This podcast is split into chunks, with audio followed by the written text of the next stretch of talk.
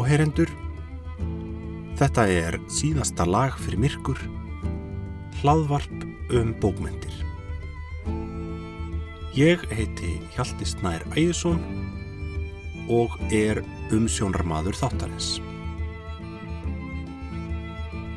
Þetta er átjándi þáttur og á þessu sinni ætla ég að ræða um skáldsöguna Blá eftir Mæju Lundi sem út kom árið 2017. Íslensk þýðing kom tveimur árum síðar, 2019. Það er Ingun Ástísardóttir sem þýðir bókina. Uh, nú Maja Lunde, hún er norskur höfundur, fætt árið 1975. Hún uh, hefur búið í Ósló eftir því sem ég best veit, uh, megnið af æfinni, fætt á uppalinn þar.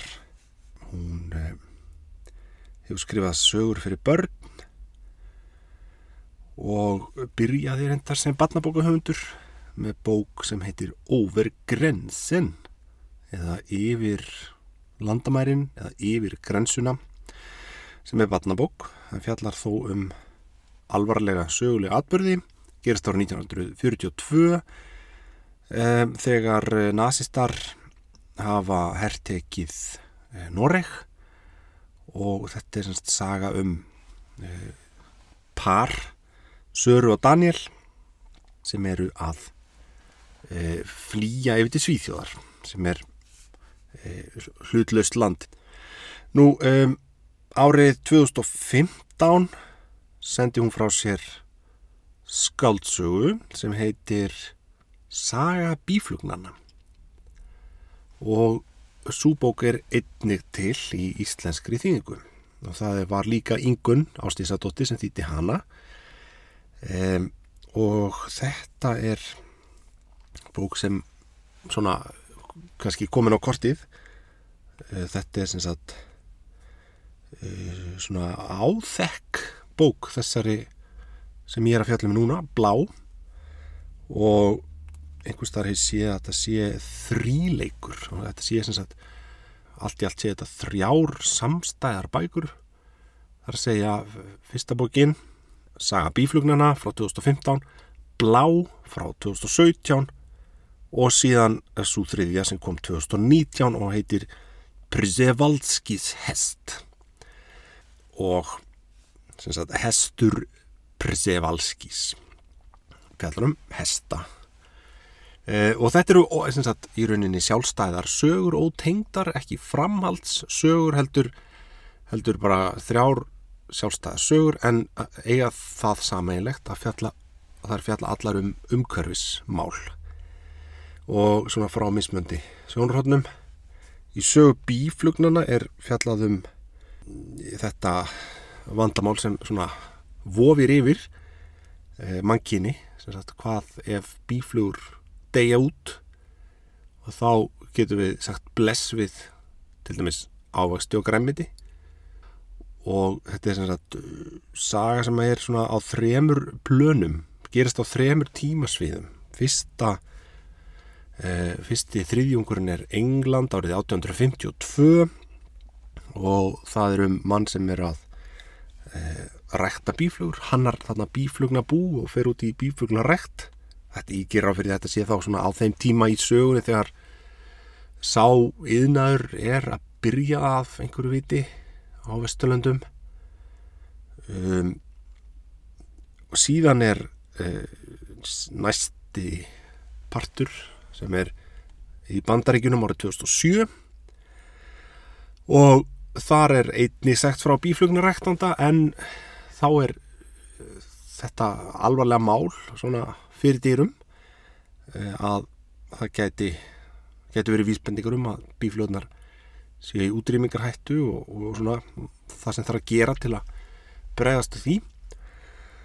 Og síðan er þriðju parturinn eða þriðja sviðið sem er Kína árið 2098 í framtíðinni. Og þá eru bíflugunar útdöðar og þá er sagt sagt, frá e, fólki sem hefur þróað nýjar aðferði til að frjófka ávastatré og rækta svona jarðargróða eða ávexti og gremmiti e, bara svona með höndunum. Sagt, finna einhverja lausn í staðin fyrir bíflugunar skemmtileg hugmynd og bíflugurnar og svona frjófgun er þá í fókus í þessari tilteknu bók. E, í blá aftur á móti er það vatnið og hérna og svona hlínun jarðar þornun svæða þurkar og hérna svona þau mál þau, þau umhverfis vandamál sem við heyrum nú um flesta daga í fréttum og aftur sama hugmynd eða svona sama, sama aðferð. Þar að segja tvö tímasvið en ekki þrjú, tvö tímasvið um, þar sem við höfum tvær aðalpersonur eða svona ein aðalpersonu á hverju sviði, þetta er ótengt fólk og er inni bara ótengtar sögur. Og það líður þarna aldar fjórðungur á milli annar helmingurinn gerist árið 2017 bara sama ár og bókin kemur út. Og hinn helmingurinn gerist árið 2041 sem er í framtíðinni en það samt í ansi nálægri framtíð. Tæplega aldarfjörðungur þegar bókin kemur út og núna e, þegar þessi orð eru töluð eru þetta innan við 20 ár 18 ár. Þannig að þetta er hugleggingum umhverfismál og við skulum kannski byrja því tölum aðeins um það, það hérna, þetta er náttúrulega vand með farið og allt skinsamt og viti borið fólk e, gerir sig grein fyrir því að það er eitthvað að gerast og það þarf eitthvað að gera til að bregðast við hlínun jarðar. Þetta er ekki lengur kannski svo mikið debatt um það hvort þetta sé vandamál eða ekki. Það er svona eiginlega þannig að hinn siðmyndaði heimur er komin á þá skoðun. Eða svona, fólk er búið aftur að segja að þetta er, það þarf eitthvað að gera. Og sagt, það þýr ekkert að humma þetta fram að sér. Vandin er bara hvernig á að gera þetta hversu ítarlegar eiga aðgerðnar að vera. Þetta er svona það má veltaði fyrir sig hvort þetta henda svo vel í skáldskap það eru vissulega álitamál sem koma upp. Það má alveg svona kanna ímislegt út frá þeim. En tilfelli hér í blá e, í þessari bók er að það er mjög skýr svona bóðskapur með sögunni. Það er fer ekkert að milli mála hvað hún stendur, hún Maja Lundi og hún talar um það sjálf í viðtölum að, að hún líti á sínar skaldsögur sem innlegg í umræðu og svona, jú, kannski tilvæg til að vekja fólk aðeins til umhugsunar. Hvað ef þetta verður svona eftir 15 ár, 20 ár 100 ár? Svona sögur þar sem höfundar ímynda sér einhverja ógnvænlega framtíð. Geta náttúrulega verið mjög sterkar politíst og svona kvitt elda og hérna hreift við lesendum og allt gott og blessað um það að segja. En þessu fylgja ákveðna takmarkanir til dæmis hefur svona hafa svona bókmyndir smá tilhengu til að verða stereotypískar. Þar að segja personurnar eru það bara fulltrúar einhverja hugmynda? Það eru bara náttúrverndar sinnar og virkunar sinnar eða talsmenn ólíðinaðarins eða hvaða nú er. Og það er ekki svo mikið um svona mór, hið móralska gráa svæði. Ég, ég, sko nú er ég alhæfa og ég veit það en það er þetta er allavega, byrtingamendin er stundu þannig og ég held að mig alveg segja það hér að í blá séum við með svolítið svona svart-hvít eh, landslag. Þú getur skipt personunum svolítið í tvent en það er samt ekki alveg allt sem sínist og ég kemur því betur á eftir. Nú, kynumst aðeins þessu fólki. Fyrir helmingurinn eða, já, það er rétt að taka fram að þetta er ekki alveg helmingaskipt bók. Þetta er ekki þannig að sé bara fyrst lesmaður helming bókarinnar um eina personu og svo skiptist og setni helmingurinn fjalla þá um aðra. Heldur er flakkað fram og aftur. Þetta er bara á víksl fyrsti kaplinn gerist árið 2017 annar kapli gerist árið 2021 og svo í þrija kaplaði að fara aftur til ársins 2017 smátt og smátt uh, já, með þessu víksl, uh, þessari víksl frásögn þá teiknast smátt og smátt upp mynd það sem drýfur okkur áfram við lesturinn er meðal annars það að sjá hvernig þessar sögur tengjast.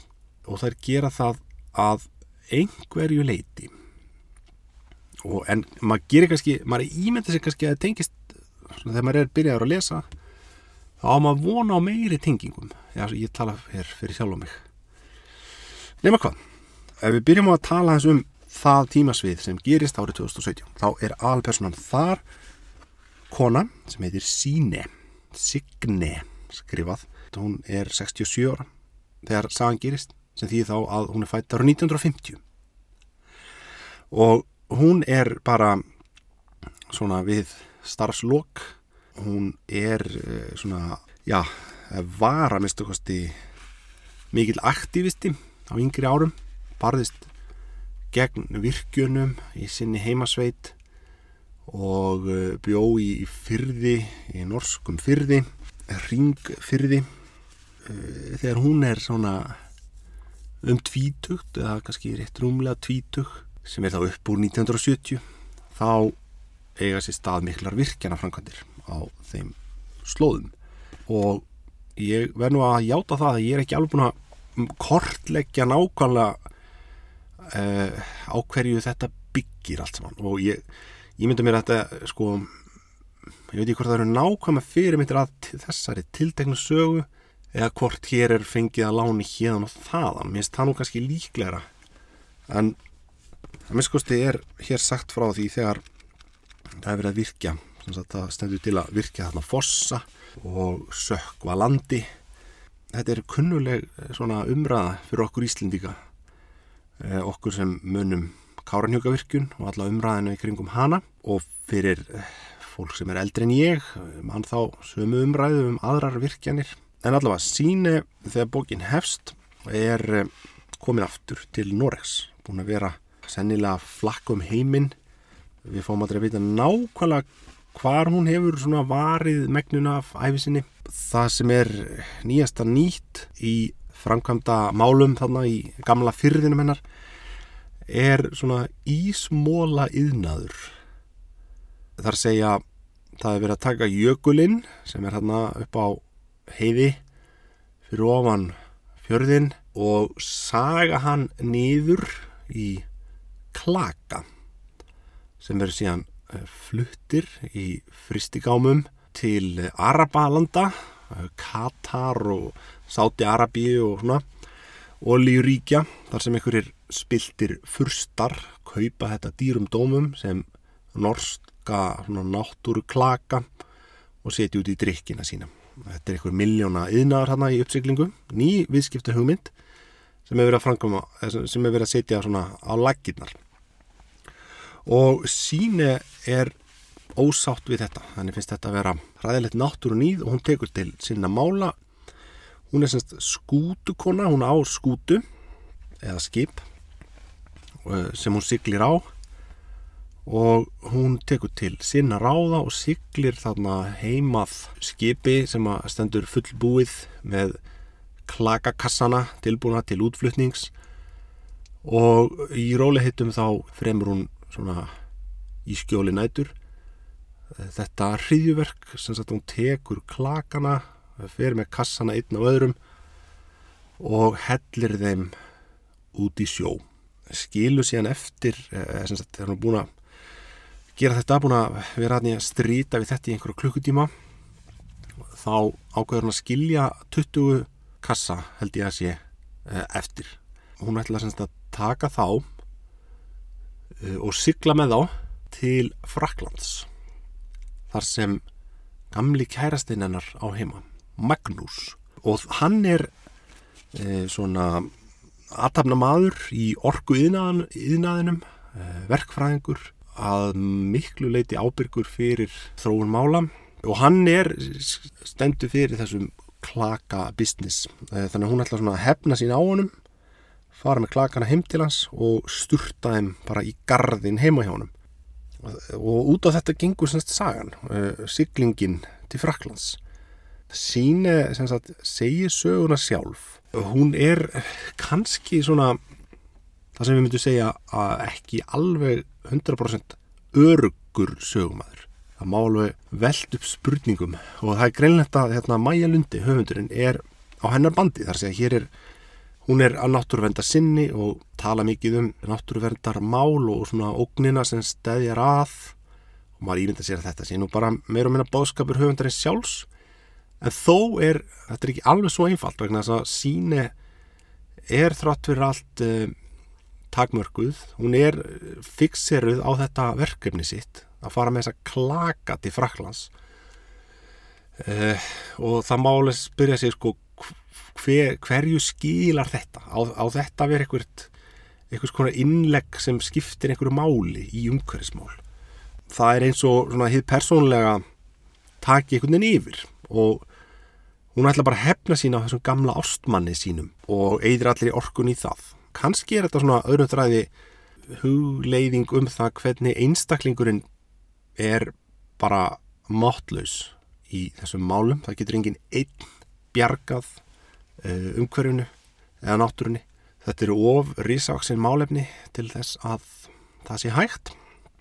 Siglingin hjá sín snýst upp í bara eitthvað ruggl. Hún er, þetta er bara eitthvað þráhyggja.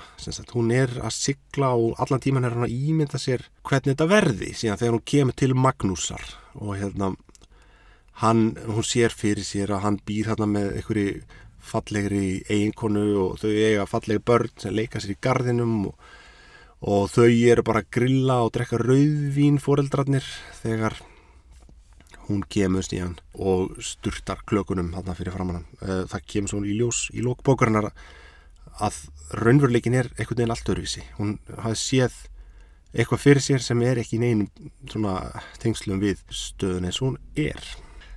En allavega, þessi hluti sögunar, 2017 parturinn, er ferðalag og hún lendir í ævintýrum, hún lendir í uh, ofviðri þegar hún er nálagt oljuborpalli en hún þorir ekki að leita skjóls eða byggðum aðstóð hjá mönnunum sem vinna á oljuborpallinum af því að þá heldur hún að komist upp um glæpin.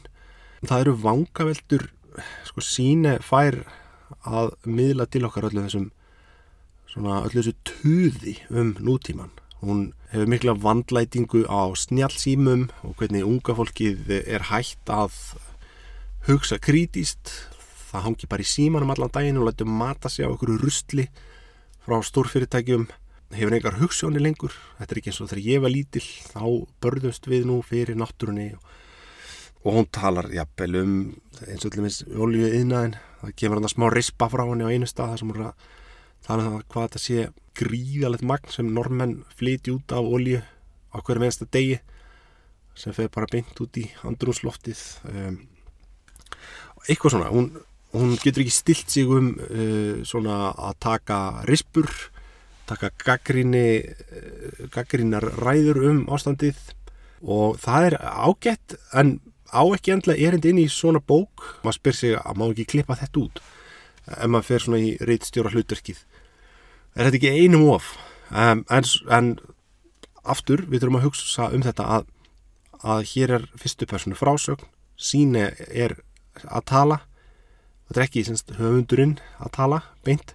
Þetta er þá karakterlýsing. Hún hefur svona tilhengu til þess að tuða og vera með út úr dúra og svona heims ósóma tal hún tala líka um fullorna fólkið ekki bara unga fólkið, heldur líka bara það hvernig allir vilja meiri og meiri lífsgæði og fólk fórnar náttúrunni bara til þess að fá flottari bíla eða betri tölfur eða hvaða nú er. Þannig að það glittir svona í þessi álitamál sem fylgja umhverfis og virkjana málum þar segja að öll viljum við nú lifa við ágætis eh, svona lífsgæði. Við viljum öll eiga bíl og tölvu og hafa það gott. Væri það kannski ekki þannig ef að það væri aldrei virkjað? Svona spurningar sem, eru, sem við þekkjum náttúrulega hérna af úr íslenska samhenginu. Eh, þannig að það bara glittir í þetta. Það er ekki kannski það er ekki gerð neinn raunveruleg tilraun til að skilja sjónarmið virkjana sinna. Og þeir koma vissulega hér við sögu sem personur en þeir eru svolítið svona einstrengingslegir eða flatir flestir. Bara svona vondir eh, hérna, kapitalistar og frekar svartkvítar personur þannig að ég var fyrir smá vonbrum með það út af fyrir sig en það var áhugavert að lesa samt. Og hún sagt, leiðir hugan aftur til æsku áranna. Eh, foreldrar síni voru sagt, eh, annars vegar mammina sem var komin af stóreigna fólki og átti heilt hótel þarna í fyrðinum eh, sem að foreldrar hennar áttu undan henni og þetta var bara hótel sem hafi verið rekið þarna frá því á 19. öld ættar auður, hún á svona bara, já, er þarna handhafi eh, stórveldis sem hefur verið byggt upp af ættinni hún er bara kapitalisti, mamman Pappin eftir á móti er rótækur, náttúru vendar sinni, eh, hann hugsaður um skjelfiskinn og hann hugsaður um vatnið og júrtirnar í dalnum og forsana. Eh, það eru senur þar sem að þau ganga saman feðgininn og skoða umhverfið og pappin svona eh, lesi henni pistilinn og segir þetta með allt hverfa. Þannig að hugssjónirnar, þessar baráttu hugssjónir fær hún allar frá föðu sínum og þetta hjónaband, fóreldra hennar, það fer svona út um þúfur. Það gerst í beinu tegnslu við umhverfismálinn, þar segja Það er eins og hjónabandið þóli ekki þetta álag sem fylgir þessum framkvæmdum og þá kannski svona, já, tilrönd til að sína okkur hvernig þessi mál geta splundrað fjölskyldum, fólk er ósammála og pappi hennar síne mér segja gerist svona aktivisti, hann í félagi við annan mann sprengir upp brú sem að liggur að yðnaða svæðinu þegar það verið að byggja virkjunina. Og fleiri eftir þessu. Og nú síðan er sem sagt hann Magnús sem er verður kærastinn hennar síni það er hans öðruvísi farið með hann. Eða þess að hann er sonur uh, fátaksfólks sveitafólks sem býr þarna í litlu koti sem að fer síðan á endanum á kaf undir uppistöðulónið. Hann elst upp við harðræði. Fæðir hans er ofbeldismadur og beitur þau ofbeldi, bæði hann og móður hans. Og það er svolítið eins og eins og gamli tíminn sé bara einhvern veginn á dagskrá hjá þeim. Þar segja að þetta er bara svona gamla fyrirkomlega þar sem fæðirinn ræður öllu og hann gengur út frá því að heimils ofbeldi sé bara eðlilegt. Þetta sé bara leið föðurins til að hafa stjórn á fjölskyldulífinu. Eh, þannig að Magnús er brendur eftir þetta. Uh, hann leitar út úr uh, sínum uppruna hans leið út úr vandanum er þessi að hann lærir verkfræði fyrir að læri eitthvað gaglegt lærir uh, ákveður að taka ekki við búskapnum frá föðu sínum heldur sagt, lærir hérna verkfræði já og og verður bara, þegar hann fullortnast verður hann bara, fær hann bara gott jobb hjá einhverju virkjana fyrirtækinu en það þýðir, að það aftur á móti breytir hins vegar ekki því að þau sem ungt fólk, hann og síni eru mjög rótæk og þau taka þátt í mótmælum og, og hérna mótmæla setum þar sem þau setjast um, og slá upp tjaldbúðum þarna á virkjana svæðinu og fresta eða, eða hindra framkvæmdir og þess áttar mjög svona mikil áhrifmikil mótmæli svona í anda þess tíma 8. áratöksins kannski uh, og ég ímyndi mér að þær senur í bókinni séu nú byggðar á einhverju svona norsk, einhverjum norskum atvikum þar sem eitthvað svipað gerðist en ég er ekki alveg sérfróður um þessi mál og þessa sögu Nefna hvað, rótæknin ristir nú grund hjá Magnúsi og smátt og smátt vaksa þau í sundur. Aftur á móti svona, hefur hann kannski meiri tilhengu til þess að ídólisera gamla dalinsinn. Hann sem gerist handgengin þessum yðnar fyrirtækjum, hann er algjörlega ástfangin af þessu umhverfi og hann sér þetta í einhverjum hyllingum. Og meðan síni er kannski fulltrúið þeirra sem eh, bara lifa í harmoníu við náttúruna. Síðan rennur upp skilnaðastundin og um, Magnús eh, sagt, býður síne þægenda líf en hún ákveður að hafna því og bara vera baratu kona allt sitt líf. Og svo segir ekki meira þeim fyrir en árið 2017 þegar þessi þetta klaka ævintýri á sér stað. Þannig að já, þetta er, og jú, það má það fyrir að nefna að Blá, sagan heitir Blá og það er nafnið á bátnum hennar síni. Og þann bát fekk hún að gjöf frá móður sinni sem var mjög höll undir framkvæmdinnar og hérna, virkjanirnar og talaði þeirra máli og þetta var svona hennar leið til þess að sefa dóttur, eða friðþæja dóttur sína kaupana, kannski kaupa sér velvild hjá henni þetta er þegar hún er 18 ára síni þá fær hún bátin í amelskjöf og alveg bara flottasta tegund sem til er og, og þetta er þá bátur sem fylgir henni og hún er á honum þarna á gamas aldri. Hún segir eitthvað á þá leið að þetta var það eina sem móði mín gaf mér sem skipti mig máli. En vikjum okkur þá til ársins 2041 semst yfir í hinasöguna eh, þar fáum að kynast manni sem heitir Davíð. Davíð, eða David eða já hann er franskur þannig að Davíð Davíð, er maður bara Davíð. Hann er flótamaður þetta er í framtíðinni þegar uh, heimurinn er bara í uppnámi og það er stríð í Evrópu. Manhattan er komin á kaf. Við fáum að vita það hérna í einhverju framhjálaupi en, og það er eitthvað óurlegt ástand í gangi í heiminum.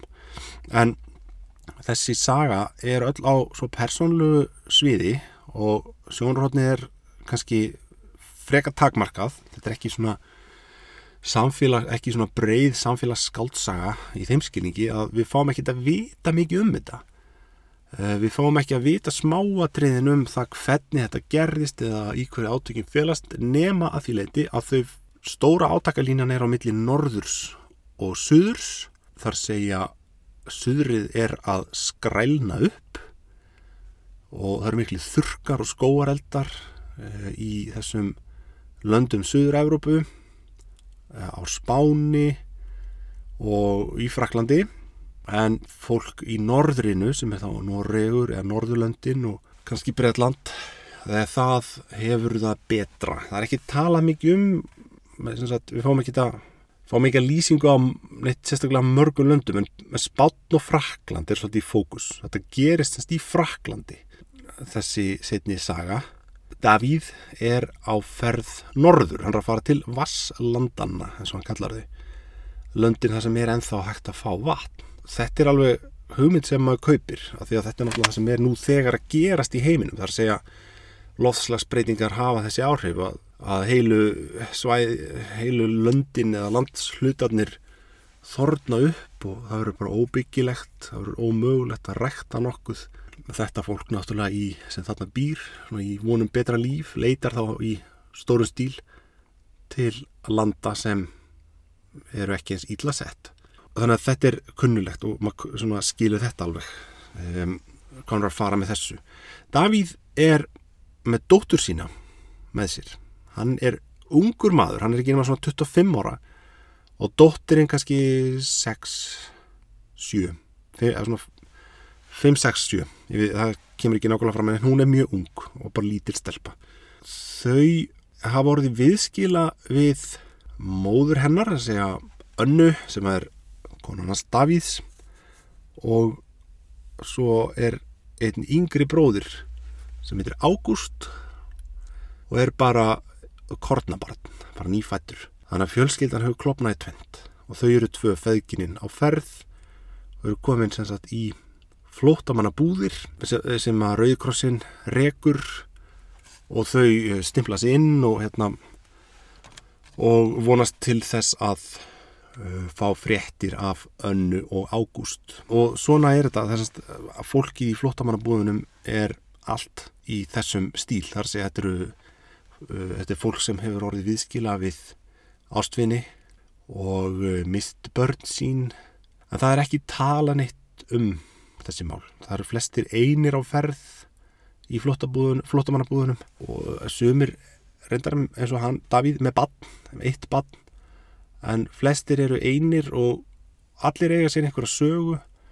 Allir hafa mist eitthvað í þessu ástandi sem þarna ríkir þá er eins og allir séu bara það séu svona þegjandi samkomlag um að vera ekkert að tala mikið um fortíðina og um e, þá sem eru hortnir að það hafa orðið einhver átök og e, við fáum svona óljósar myndir úr e, þessari hræðilegu fortíð eða þessum atbyrjum sem þau hafa gengið í gegnum Davíð og Lou stelpanas og þau fara, já hann sérstaklega fyrr á hverjum degi á skrifstofuna í flottamannabúðunum og spyr um fréttir af konu sinni og síni og svarið er alltaf á sömu leið.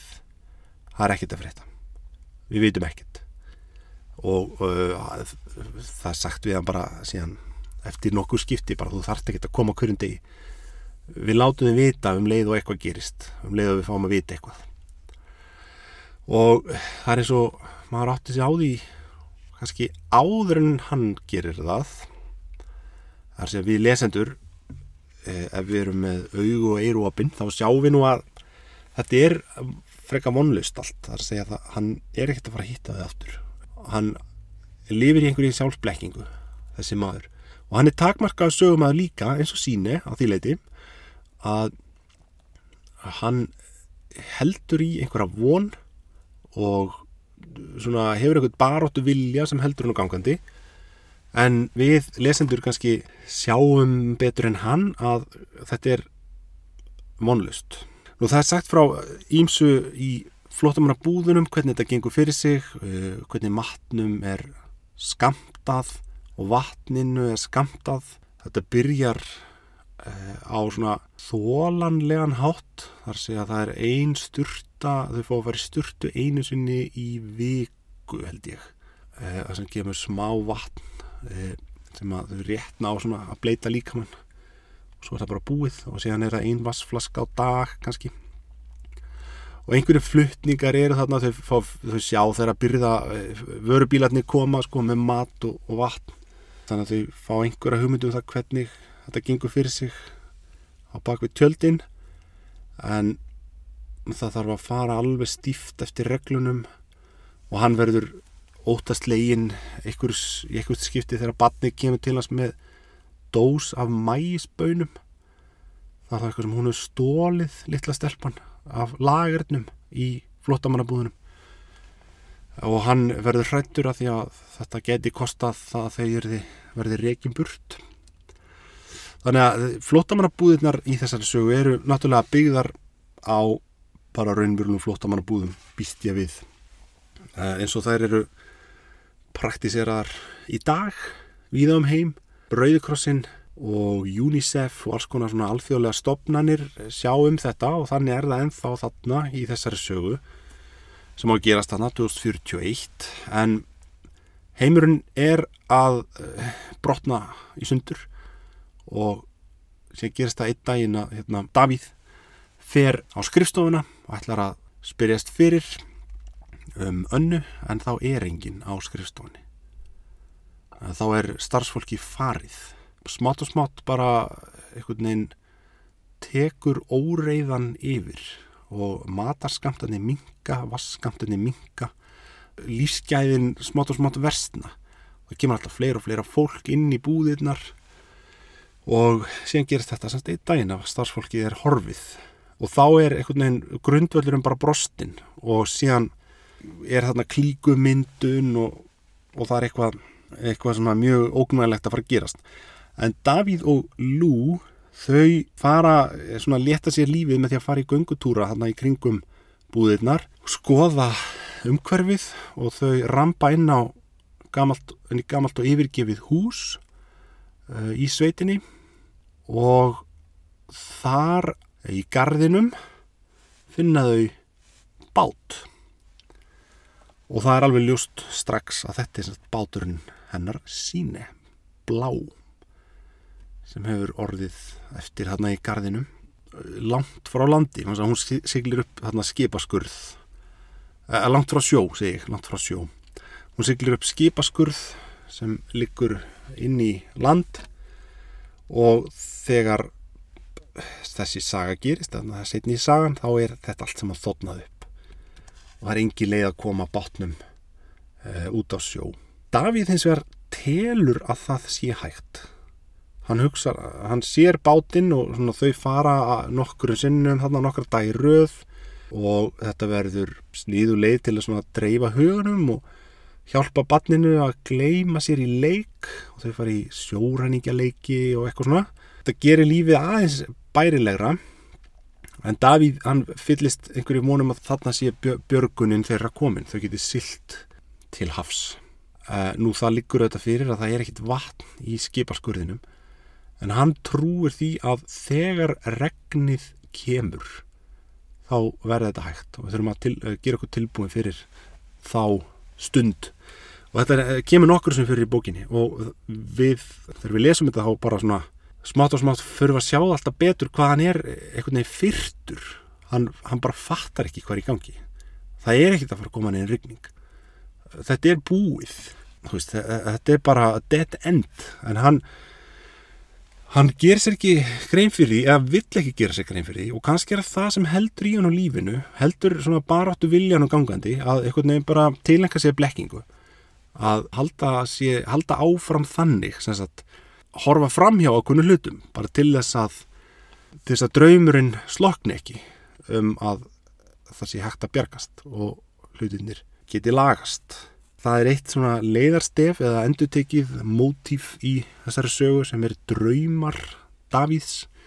Hann dreymir sem sagt aftur og aftur að hann sé að sökva í vatn og þetta er hérna einhvers konar metafóra fyrir bara ástandið hjá honum. Hann er, hann er bara að sökva, hann er bjargarlaus í þessu lífi sem hann lifir eins og maður sem sekkur í vatn og, og getur sér enga björg veitt og er bara að drukna og íróníana auðvitað fælst í því að hann er vatn í drömnum þar segja að þetta er það sem vantar í heiminn eins og hann er. Það, það er ekkit vatn lengur eða vatni er að með sko stað hverfa.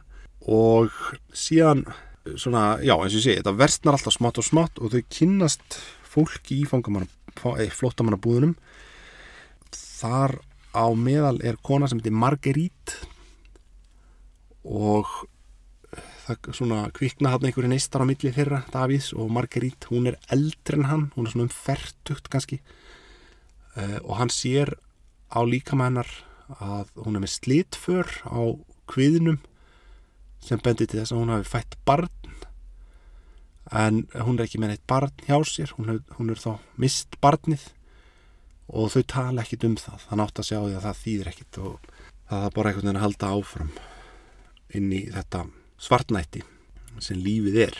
Nú, og eins og sé, það er aldrei útskýrt nákvæmlega hvað er í gangi, svona hver alþjóð, alþjóðlega þróun er. Það er ekki útskýrt til dæmis að hverju bara hægt að ringja í önnu. Það er væntalega vegna þess að hérna, síma sambönd bara virki ekki lengur. Gerfinnettir eru hættir að virka eða það er ekki ramagna, hvaða nú er.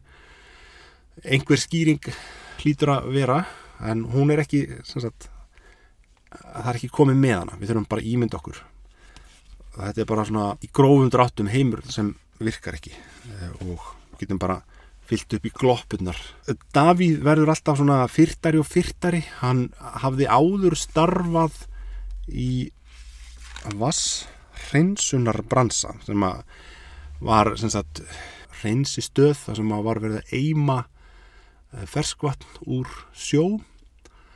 Og það var, voru eitthvað tilröðinni sem voru gerðar og gengu ítla og, og hérna, það var ekki hægt að fá neinn tæki til að gera þetta betur og það var ekki hægt að skala neitt upp þessa tækni. Eh, þannig að það smátt og smátt eh, svona bara datt upp fyrir. En hann allavega hefur kynst þessari tækni að að eima ferskvatn úr sjó.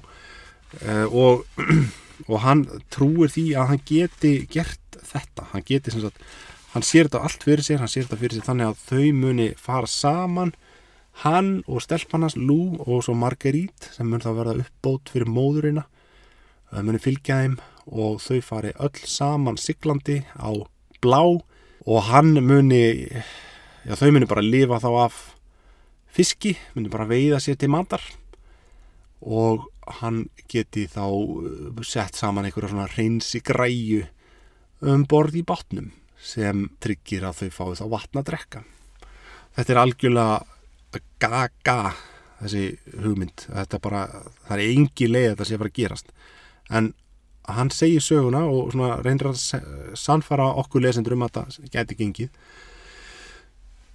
Þannig að, já, og svo endar sagan sko byrjum kannski að segja frá síni ef við vikjum aðeins aftur þangað það er hérna, þegar hún kemur til Magnúsar og uppgjörið mikla loksins getur átt sér stað þá gerist ekkert þar sé hún bara þau ræða málinn, setjast saman þau eru bara gamalt fólk þegar þannig komið sögu. Og hún átt að sjá því að hann hefur ekki öll þau lífskeiði sem hún held að hann hefði. Þetta er ekki sami Eh, spilti eigna maðurinn og hún hjælt hann býr vissulega þarna í einhverju fallegu húsi í Fraklandi en hann er einn. Það er engin hlæjandi börn eða barnabörn í kringum hann engin fallega eiginkona og eitthvað hefur líf hans orðið öðruvísi heldur en kannski hann reiknaði með. Það er bara endað á því að þau sítja saman í gardinum og við fáum ekki að vita meir þetta er svona voðalega óljóst. Og síðan endar eh, þá í kaplanum og eftir endar eh, Saga Davíðs og bókin þar með öll. Það endar með því að þau feðgininn finna kassana sem er svona vel einangraðir plastkassar úr hardplasti sem, eh, sem kassarnir sem síne tók með sér frá Norri með, voru þá fullir af ísmólunum sem hún ætla að sturta í gardin en eru náttúrulega bara að bráðnaðir og, og eru þá ferskvatn þau finna sem sagt einhverja 200-250 lítra af ferskvatni og það er eins og það er að vera eitthvað laust en það er náttúrulega gerir ekki annað en að fresta vandanum sko. Þau geta drukkið þessa 200 lítra vatni og þegar þeir eru búinir þá náttúrulega bara er staðan óbreytt. Þetta leysir enga vanda. Þó, jábel þó Davíð kannski haldi það sjálfur og það sé láti í það skína eins og þetta sé ykkur lausn á sögunni og það sé bara búið að bjarga öllu. Það er alls ekki þannig. Og það er svona kannski snildin í bókinni að þó að manni finnst þetta við fyrsta lestur eða við svona lesturinn í fyrstu köplunum finnst mann þetta svolítið monotónist það er svolítið verið að predika hérna. Eh, þá er kannski það sem gerir þessa bók sterka er þetta, er þessir svona, þessi takmörkuðu sögumenn. Maður þarf að reyna átt að sjá því sko hvað þetta fólk veit ekki og hvað skilur ekki. Og við lesendur erum einhvern veginn feti framar heldur en þau. Þegar maður átt að sjá þessu þá getur maður að fara þá er eins og kvikni eitthvað, þá er svona fattamæður og kannski er þá hinn stóri bóðskapur sagt, kannski er það ekki bóðskapurinn þessir, þessar ræður síne um umhverfsmál kannski er stóri bóðskapurinn sá að þetta fólk svona bara alveg svo við öll er takmarkað og hefur sér ekki hildamindina sér bara eitthvað lítið brota af öllu saman. Þetta er svona smá speil fyrir okkur. Þar segja við vitum alveg að þetta eru brennandi málefni eh, en við vitum samt að við vitum ekki nógu mikið. Og það, þarf, það er eins og hver sjáu sjálfa sig. Það þarf bara hver að spyrja sjálfa sig eftir lestur þessara bókar. Að hvaða leiti er ég takmarkaður? Hvað er það sem ég skil ekki? Og hvernig get ég gert mig betri? Öðlast meiri þekkingu, meiri skilning. Við þurfum líka átt okkur á því að við sem einstaklingar leysum ekki vandan eh, þetta er of risavaksi verkefni þannig að þetta er svona eins og Maja Lunde hefur sagt líka í viðtölum að hún er bara að spyrja spurninga hún er ekki menn en svör þetta er meira svona, já, til að vekja fólk til umhugsunar En sem sagt, þetta er skáldsam Blá eftir Mæju Lundi og ég læti þessu þá lokið í bylin. Ég þakka þeim með hlítum, verið sæl.